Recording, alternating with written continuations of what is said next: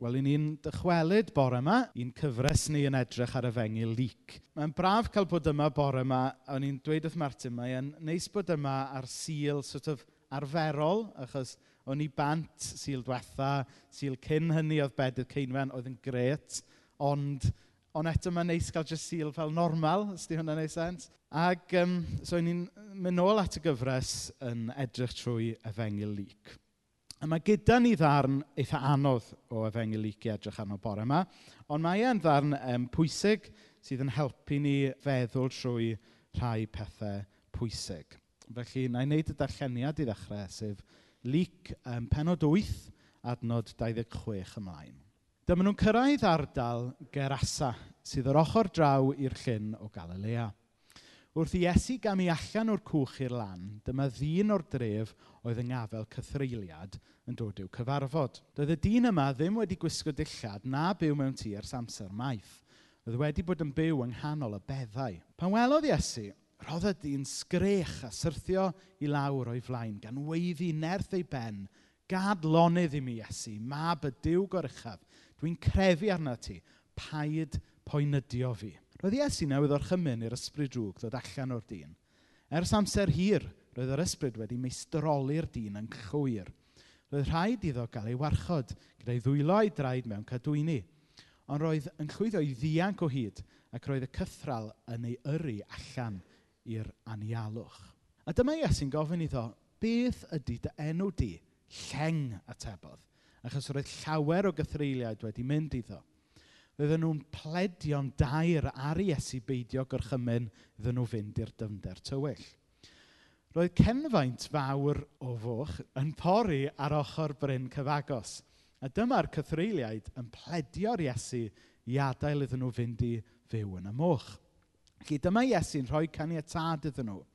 Pan aeth y cythreiliaid allan o'r dyn a mynd i mewn i'r moch, dyma'r moch i gyd yn rhithro i lawr y llechwedd serth i mewn i'r llyn a boddi. Pan welodd y rhai oedd yn gofalu am y moch beth y gwyddodd, dyma nhw'n rhedeg i ffwrdd a dweud wrth bawb. Aeth pobl allan i weld drostyn nhw eu hunain. Dyma nhw'n dychryn pan ddeithon nhw at Iesu. Chos dyna lle roedd y dyn roedd y cythreiliad wedi mynd allan ohono yn eistedd yn dawel o flaen Iesu yn gwisgo dillad ac yn ei iawn bwyll. Dwedodd y llygodystion eto sut roedd y dyn yng ngafel cythreiliaid wedi cael ei achau. Felly ar ôl hynny, dyma bobl ardal Gerasa i gyd yn gofyn i Iesu adael, achos roedden nhw wedi dychryn am eu bywydau. Felly aeth Iesu yn ôl i'r cwch. Dyma'r dyn roedd y cythreiliaid wedi mynd allan ohono yn erfyn am gael aros gyda ge. Ond dyma Iesu yn ei anfon i ffwrdd a dweud wrtho, dos yn ôl adre i ddweud am y cwbl mae Dyw wedi'n wneud i ti. Felly ffwrdd ar dyn a dweud wrth bawb yn y dref am bopeth roedd Iesu wedi ei wneud iddo. Felly, ie, yeah, mae hwnna'n um, ddarn reit gymleth o'r Beibl i ni gael yn pen o'i gwmpas, ond da ni am drio bore yma a gweld beth sydd gan ddiw i ddweud wrtho ni heddiw allan ohono fe. So, chydig bach o gefndir i ddechrau. Os byddwch chi'n cael eich gollwn mewn dinas neu tref rhywle yn y byd, heb bod neb yn dweud wrthoch chi le chi'n mynd, fydde yna bethe byddwch chi'n edrych allan amdano fel cliwiau i weld le i chi. Pen wythnos diwetha, oedden ni yn Ffrainc. A, a taswn ni ddim yn gwybod mod i'n Ffrainc, fyswn ni jyst goffod edrych lawr y stryd a gweld tua deg o'r siopau yma ar bob stryd. A bod hwnna wedi bod yn glyw mawr mod i yn Ffrainc. Ac oedd ganddyn nhw ddeg o rhain ar bob stryd. A be fysa ni'n rhoi jyst i gael un o'r rhain yn Gynarfon? Ond um, be bynnag am hynny. Le bynnag i chi mynd, mae yna, ma gliwiau'n does le i chi. Tasa rhywun yn eich gochwn chi o ganol nynlle ar y maes yng Nghanarfon, byddwch chi'n gweld y castell, byddwch chi'n gwybod dwi yng Nghaer Narfon. A gallwn ni wneud rhywbeth tebyg gyda'r hanes yma. Oherwydd bod na foch yma. so mae hwnna'n rhyw arwydd i ni fod Iesu ar y pwynt yma wedi mynd i ardal oedd ddim o reidrwydd yn ardal iddewig. Oedd e wedi teithio i ran wrth ymylch ein Galilea le oedd y diwylliant a'r mwyafrif o bobl yna ddim yn iddewon. Oedden nhw'n bobl o genhedloedd eraill. A ni'n gwybod hynna oherwydd fod na foch yna. Achos, wrth gwrs, oedd y grefydd iddewig um, ddim yn caniatau iddyn nhw um, gadw, ymwneud a bwyta moch. Felly mae'n ma ddiddorol yn dydy bod, bod yna gliwiau fel hyn yn gallu just dangos i ni le mae'r stori wedi ei leoli. A mae hwn yn arwydd o cael. Doedd hwn, dwi ddim jyst yn sôn am hwn er mwyn reference o'r ffaith bod fi wedi bod i Ffrainc wrth ystwytha. Um, mae yna bwynt dyfnach yma, sef Mae stori Iesu, mae cenhadaeth Iesu nawr yn dechrau estyn allan i bobl tu hwnt i jyst yr iddewon. Mae gweinidogaeth Iesu, mae'r Iesu'n iachau, mae Iesu yn rhannu'r newyddion da, nawr yn symud a dechrau effeithio ar y cenhedloedd, ar bobl oedd ddim yn iddewon. A rheswm pan bod yn bwysig nodi hwnna, yw achos bod hwn yn rhan mor bwysig o'r efengil grisnogol. Dydy'r newyddion da am Iesu ddim dim ond i bobl arbennig mewn lle arbennig. Dydy'r newyddion da am Iesu ddim dim ond i un teip o bobl. Yn yn cyd-destun Cymraeg ni, dydy'r newyddion da am Iesu ddim jyst i bobl parchus sy'n dod i'r capel. Mae'r newyddion da am Iesu yn newyddion sydd yn mynnu mynd ac eisiau mynd at bobl o bob cefndir, pobl o bob teip, pobl o bob diwylliant. A mae'n bwysig bod ni yn cofio hynny. Pan ni'n gweld Iesu fel hyn yn mentro i dir estron fel petai, pan mae e'n cymryd cam yma o fynd i ddiwylliant gwahanol, mae'n atgoffa ni gobeithio bod y newyddion da am Iesu yn newyddion sydd angen torri ar draws ffiniau diwylliannol a torri mewn i bob math o berson. Nawr, Mae hwn yn stori gymleth i gael yn penni o'i gwmpas oherwydd y busnes yma o'r dyn yma sydd yng ngafael cyffreiliaid. Ar ôl i Iesu gamu oddi ar y cwch, mae'r stori yn mynd yn ddramatig iawn, yn sydyn iawn. Mae mae'r dyn yma'n rhithro ato fe fel petai, a mae e'n rhoi llond pen o'r thwynebiad bygythiol Iesu. A chi'n gallu dychmygu, dydych, chybod, er, a felly bod bo chi wedi cael chybod, llon pen o wrthwynebiad bygythiol gan rywun. Be sy'n mynd mlaen fan hyn? Wel, i ni ddim mynd i wneud cyfiawnder ar holl gwestiwn bore yma, falle i chi sy'n aelodau o, o grwpiau cymuned, allwch chi fentro dadbacio fo mwy nag ydw i am wneud bore yma. Ond mae'r hanes yma yn dysgu ni am y gwirionedd bod yna ysbrydion drwg yn bodoli.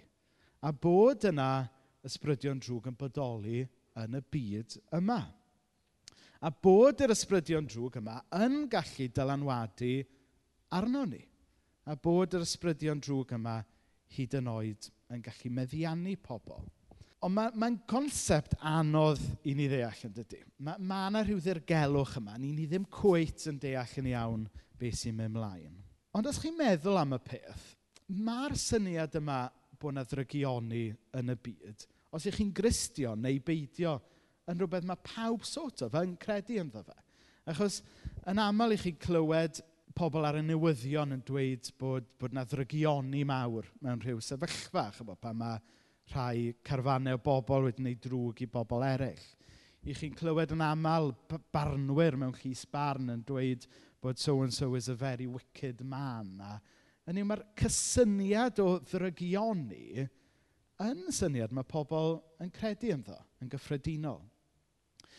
Ac i ni fach yn gweld e ar waith dydd i ddydd, pan mae pobl yn gwneud pethau anifer i'w gilydd. Ac i ni fach yn gweld e, tas ni'n onest, yn yn agwedd calon yn hunain, yn llawer rhy, rhy aml. Mae drygioni yn rhywbeth real yn y byd, yn dydy. Mae drygioni yn reality. Mae yna ysbryd drwg ar waith yn y byd yma sydd yn gallu dylanwadu ar bobl, sydd yn gallu dylanwadu arno ni. Ond dwi jyst eisiau rhoi un fel cafiat mewn fan hyn. Mae mor bwysig bod ni'n bod yn ddoeth a sensitif pan da ni'n dod at gwestiynau fel hyn. Achos yn hanesyddol, mae'r eglwys falle wedi camddeall y syniadau yma a bod y camddeall a'r dirgelwch yma wedi arwen felly i gamddefnydd ac i gamdrin pobl yn emosiynol ac yn ysbrydol. Mewn rhai cylchoedd heddiw, mae'n cael ei ddweud gan rai, hyd yn oed bod pobl dwedwch sydd yn um, dioddau o salwch meddwl, bod nhw rhywsyd wedi dod dan ddylanwad ysbryd drwg. Ond mae hynna'n anghywir. A pan ych chi'n clywed hynna'n cael ei ddweud yn arbennig gan grisnogion, mae eisiau chi ddweud bod e yn anghywir. Chi hyd yn oed yn, yn clywed chwa, pan mae pobl yn dygymod gyda'i rhywioldeb. Mae, mae rhai eglwysi'n cynnig rhyddhau pobl o'r ysbryd drwg yna. Ond mae hynna'n anghywir. Mae ceisio chwarae gyda meddwl rhywun a mae, mae hynna'n gamdrin emosiynol ac ysbrydol. A pethau'n ni'n gweld hynna'n digwydd, mae'n bwysig bod ni yn dweud bod e ddim yn enw Iesu. Mae'r syniad yma bod ysbrydion drwg yn y byd yn rhywbeth sy'n anodd i ddeall, a pan mae rhywbeth yn anelwig ac yn anodd i ddeall, yn aml mae pobl wedyn yn gallu gamdrinau i drio cael control dros bobl. Sori, mae neges mae bach yn hefi bore yma, dydy. Ond chyfod, mae'n bwysig bod ni yn, yn taclo'r issues yma pan maen nhw'n dod lan yn y Beibl. Mae sbrydion drwg yn reality, Ond eto mae, mae yn faes, mae'n bwysig bod ni'n bod yn ddoeth a gofalus pan ni'n ni'n ymdrin â fe. Beth bynnag am hynny, wnawn ni gymryd y gair ar iair a bod y gŵr yn y stori yma wedi feddiannu gan ysbryd drwg. A mae effaith y ffaith bod y dyn yma wedi feddiannu gan ysbryd drwg yn total fel petai. Mae fel bod e wedi effeithio i gorff i feddwl a'i ysbrydau. Mae e wedi cael ei effeithio ym mhob ffordd posib. Mae'r dyn yma yn gaeth ar bob lefel posib, yn gorff, yn feddwl ac yn ysbryd. A mae hwnna'n atgoffa ni o reality yma, bod ni yn gorff, yn feddwl ac ysbryd. Lot o bobl yn meddwl bod y concept yma'n dod o fwdeaeth ac yn y blaen, ond na, mae'n dod o'r Beibl. Trwy y Beibl i gyd, ni'n gweld bod Dyw wedi'n creu ni yn gorff yn feddwl ac yn enaid. A mae'r newyddion da am Iesu, newyddion da i'r tri rhan yna ohono ni. A mae'r tri peth yna yn effeithio ar ei gilydd yn dydyn. So, pan i chi, pan i fi yn poeni am bethau, mae'n iechyd corfforol i'n dioddau. Pan i chi falle ar rhyw gwestiwn ysbrydol yn pwyso'n drwm arna chi, falle bydd e yn effeithio sut y'ch chi'n gweld a meddwl am bethau. I ni yn gorff meddwl ac ysbryd, ond mae'r tri peth yn dylanwadu ar ei gilydd. Ac i ni'n gweld hynna yn eitha di a gwyn y mywyd y dyn yma drian. Mae e'n gorfforol wedi torri, mae e'n feddyliol wedi torri. Ac yn ysbrydol, mae e jyst yn hollol wrthwynebus i Iesu. Mae e'n garcharor ar bob lefel. Mae e wedi barlysu ar bob lefel. Ond, mae Iesu yn torri mewn i fywyd y dyn yma. Mae'r ma neges yn mynd yn ysgafnach ac yn well nawr. Mae Iesu yn camu mewn i stori y dyn yma. Mae'r ysbrydion drwg yn gadael y dyn, maen, me, maen nhw wedyn yn meddiannu'r moch a mae'r moch yn rhuthro dros ymyl y melodiben ac yn boddi. Peidiwch gofyn fi esbonio hwnna. Ond dyma sydd yn glir. Oedd y bobl oedd yno, y llygad dystion, yn gallu gweld y newid oedd Iesu wedi gwneud y mywyd y dyn yma. Oedd e'n tangible. Oedd e'n gwbl amlwg i bobl oedd wedi adnabod y dyn mae ers blynyddoedd, bod yna rhywbeth mawr wedi newid yn ei fywydau. E. Dywedodd y llygad-dystion eto sut roedd y dyn yng ngafel cythreiliad wedi cael ei iachau. Nawr mae'r gair groeg um, sydd fan hyn am iachau, mae e'n air mewn llefydd eraill yn y Testament Newydd, mae'n cael ei ddefnyddio i olygu achub a rheswm pam yw, yn y groi gwreiddiol, bod iachau ag achub bod yn ddau syniad sy'n perthyn yn agos iawn i'w gilydd. Hynny yw bod pan mae Iesu yn iachau neu achub rhywun, bod e'n total, fod e'n siarad mewn i'r corff, i'r meddwl ac i'r enaid. A mae'r dyn yma yn amlwg wedi profi hyn yn dydy. Mae'r iachad ie yn gorfforol, ie yn feddyliol, ond hefyd yn ysbrydol. Mae fe'n cael ei achub fel person cyfan yn gorff meddwl ac enaid. A mae'r llygadystion yn deud hyn. Ond beth sy'n ddiddorol wedyn? Mae'r hanes yn cymryd fel troad anisgwyl wedyn. Achos mae'r bobl Ar ôl gweld be mae Iesu'n wneud, ar ôl gweld bod Iesu wedi trawsnewid bywyd y dyn yma er gwell, maen nhw wedi dychryn gymaint o weld y newid, maen nhw wedyn yn gofyn i Iesu adael. Mae'n ma rhyfedd yn dydy. Tasech chi wedi gweld Iesu'n newid bywyd rhywun ar gwell, byddwch chi fel, less a more of this. dweud. Ond oedd e mor dramatic, oedd e wedi ysgwyd nhw gymaint, Oedden nhw methu delio gyda'r peth a maen nhw'n gofyn i Iesu adael.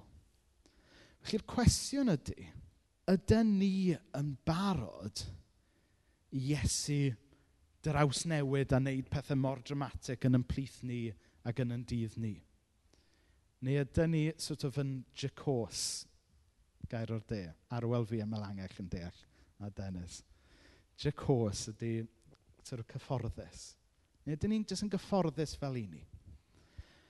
Ydyn ni yn barod, actually, Iesu ddod mewn a shake things up a newid yn bywydau ni o'r top i'r gweilod. Nath y bobl yma weld y newid nath Iesu wneud, ond rhywsut oedd y cyfan yn ormod iddyn nhw gymryd mewn. Mae yna ymadro Saesneg yn does, I can't believe what I just saw. A dyna ydy agwedd y bobl yma, efe they couldn't believe what they just saw. Oedden nhw wedi gweld be nath Iesu, ond eto oedden nhw'n cael traffaeth prosesu fe, cael traffaeth i ddirnad e, traffaeth falle i gredu fe.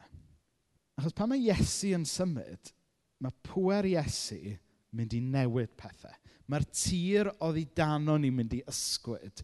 Mae pethau fel oedden nhw yn gorfod newid. A mae llawer o bobl yn ofnewid. newid da, wrth yr edd, da ni ddim yn licio newid, na dan. A mae hwnna falle'n yn neud i'r rhai ni ofni cam i mewn i beth sy'n gan Iesu i ni, achos bod ni'n ofn y newid bydd hwnna'n dod. Ond mae Iesu'n cynnig rhyddid llawn. A ni'n gweld y mywyd y dyn yma.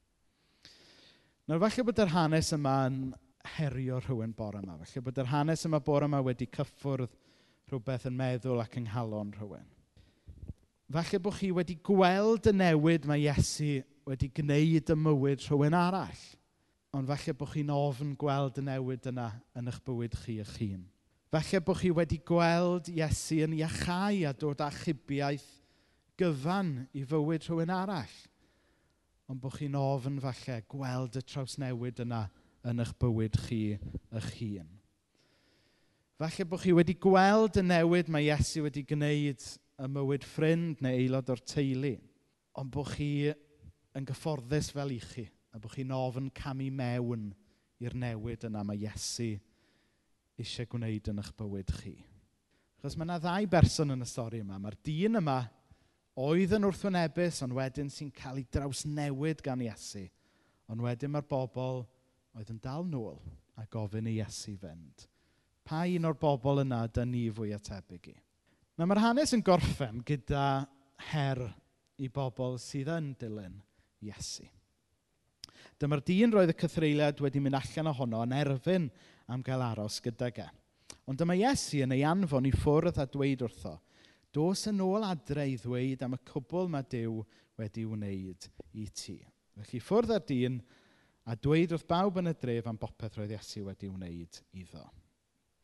Nawr yn naturiol, mae'r dyn yma nawr, mae Iesu wedi achub e o'i goren i'w sawdl, chi'n naturiol mae'r dyn yma nawr eisiau gadael i hen fywyd ac eisiau ymuno a gang Iesu a, a dilyn Iesu yn llythrenol. A dyma mae rhai o'r disgyblion cyntaf yn gwneud, ynddo fe? Mae'r um, er, um, disgyblion cyntaf, maen nhw'n gadael i rhwydi ac yn llythrenol dilyn Iesu. Ond mae'r dyn yma mae Iesu wedi achau fan hyn, mae Iesu'n dweud, actually na, paid y dilyn fi yn llythrenol, ond aros lle wyt ti. Dos nôl at dy bobl dy hun. Achos mae dy bobl dy hun yn cofio sut oeddet ti, a maen nhw nawr yn gweld sut wyt ti, ac felly ti ydy'r person gorau i ddweud wrth y bobl yna ynglyn â Iesu oedd ei fywyd e yn bregaeth ynddo fe ei hun yn doedd. Achos oedd pobl yn chi gweld y newid oedd Iesu wedi gwneud yn ei fywyd e. Pan oedd e'n siarad gyda nhw ynglyn â Iesu, nid theori oedd e, ond oedd e'n reality. Oedd nhw wedi gallu gweld y newid oedd e wedi gwneud. A mewn gwirionedd, mae hwn yw'r alwad mae rhan fwyaf ohono ni yn cael. Mae yna rai pobl yn cael galwad i fynd a dilyn Iesu i rola arall. Mae gyda ni ffrindiau yma bore yma sydd sydd yn, um, wedi galw i weithio yn Africa. Pen wythnos diwetha, oedden ni'n ymweld a ffrindiau oedd wedi cael ei galw i dystio Iesu yn Ffrainc. Ond mae rhan fwyaf ohono ni, mae Dyw actually'n dweithio ni aros fel i ni. Aros yn y fan lle'r i ni. A tystio Iesu a dweud be mae Iesu wedi gwneud yn ein bywyd ni. Un teulu, un ffrindiau, i'r bobl sydd yn gyfarwydd i ni. A weithiau mae hwnna'n anoddach na dweud wrth pobl i ni ddim yn adnabod ynglyn â Iesu, dydy. Mae siarad am Iesu gyda'n teuluoedd a'r bobl sy'n agosedd yn ni, lot fwy anodd ar awer awerwydd na siarad am Iesu gyda pobl diethyr. Ond dyna mae Iesu'n galw'r dyn yma i wneud, a dyna mae Iesu siŵr o fod wedi galw rhan fwyaf ohonach chi i wneud. Mae hwnna'n heriol yn dydy. Oedd y dyn yma jyst eisiau treulio amser efo Iesu nawr eisiau troi cefn ar, ar ei hen fywyd. A falle bod rhai ohono ni yn meddwl weithiau bod chi jyst eisiau treulio amser gyda Cresnogion. Wel, fel gweinidog, weithiau, dwi eisiau treulio llai amser efo Cresnogion. Na, joc. Um, ond, ond o ddifri, dwi'n meddwl weithiau, tyfod, os ydw i o ddifri ynglyn â cenhadaeth, er, tyfod, dylwn ni stopio bod yn weinidog, achos mae gweinidog yn treulio rhan fwy amser gyda pobl sy'n eisoes yn, yn adnabod Iesu. Ond be bynnag am hynny. Um, dwi'n off track nawr, beth dwi'n siarad dweud. Yeah. Mae yna ma rhyw redd gyda ni fel Cresnogion i just sort of, bod yn rhywle hydl, licio mynd i'r eglwys, just treulio amser efo'n gilydd. A mae'n bwysig bod ni'n treulio amser gyda'n gilydd. Mae'n bwysig bod ni yn annog yn gilydd, gweddio gyda'n gilydd, caru'n gilydd. Dyna ydy eglwys. Ond os fyddwn ni just yn eglwys sydd yn trin amser efo'n gilydd, fyddwn ni ddim yn dilyn galwad Iesu i fynd yn ôl at yn pobl, i fynd yn ôl at yn teuluoedd, a bod yn Iesu, a dweud am Iesu wrthyn nhw. So gobeithio bod hwn wedi bod yn help bore yma, mae yn rhan cymleth iawn o efengil lyc, mae'n delio gyda cwestiynau cymleth ynglyn ag ysbrydion drwg. Ond mae'n stori hyfryd yn dydy ynglyn â sut mae Iesu yn trawsffurfio bywyd dyn, a mae'n stori ynglyn â sut mae Iesu'n gallu trawsffurfio bywyd pob un ohono ni. Cyn bod ni yn troi at fwrdd y cymun, gawn ni blygu pen mewn gweddi. Wel, y ddiw dad i ni yn diolch i ti am yr hanes yma um, o dair ynglyn â sut wyt ti wedi newid bywyd y dyn yma. Ni'n diolch bod ti yn y busnes o'n hachub ni ar bob lefel, yn gorff, meddwl ac unaid. Ac oedd yw dad i ni yn ymwybodol o'r drygioni sydd yn y byd yma. A mae'r drygioni yna yn aml yn effeithio arna ni, yn, yn dyrnu ni, yn ymbaglu ni i fyny. Ond i ni diolch bod y rym di, bod y enw di yn enw mwy, yn enw cryfach, yn enw sydd goruwch unrhyw, unrhyw beth drwg. Ac bod ti wedi gallu troi sefyllfa dyn yma o fod yn garcharor ar lawer lefel i fod yn ddyn rhydd. Ac oedd yw dad i ni eisiau profi mwy o rhyddid yna yn ein bywyd ni. Da ni'n cyflwyno unrhyw un yma bore yma ddiw dad sydd ddim yn siŵr amdano ti. Unrhyw un sydd falle yn ofyn cymryd y cam yna mewn i'r rhyddid wyt ti'n rhoi. I ni hefyd yn cyflwyno unrhyw un yma sydd yn cerdded yn y rhyddid yna. Ond falle yn, wedi esgeluso'r alwad i fynd yn ôl a tystio am Iesu i'r bobl sydd yn, yn adnabod ni yn dda. Ni'n gofyn i ti ddanfon yr ysbryd glân i helpu bob un ohono ni brosesu beth da ni wedi clywed nawr. A gyda fe ddim jyst bod yn air i'n meddwl ni, ond bod y gair bore yma yn impactio a newid yn calon ni.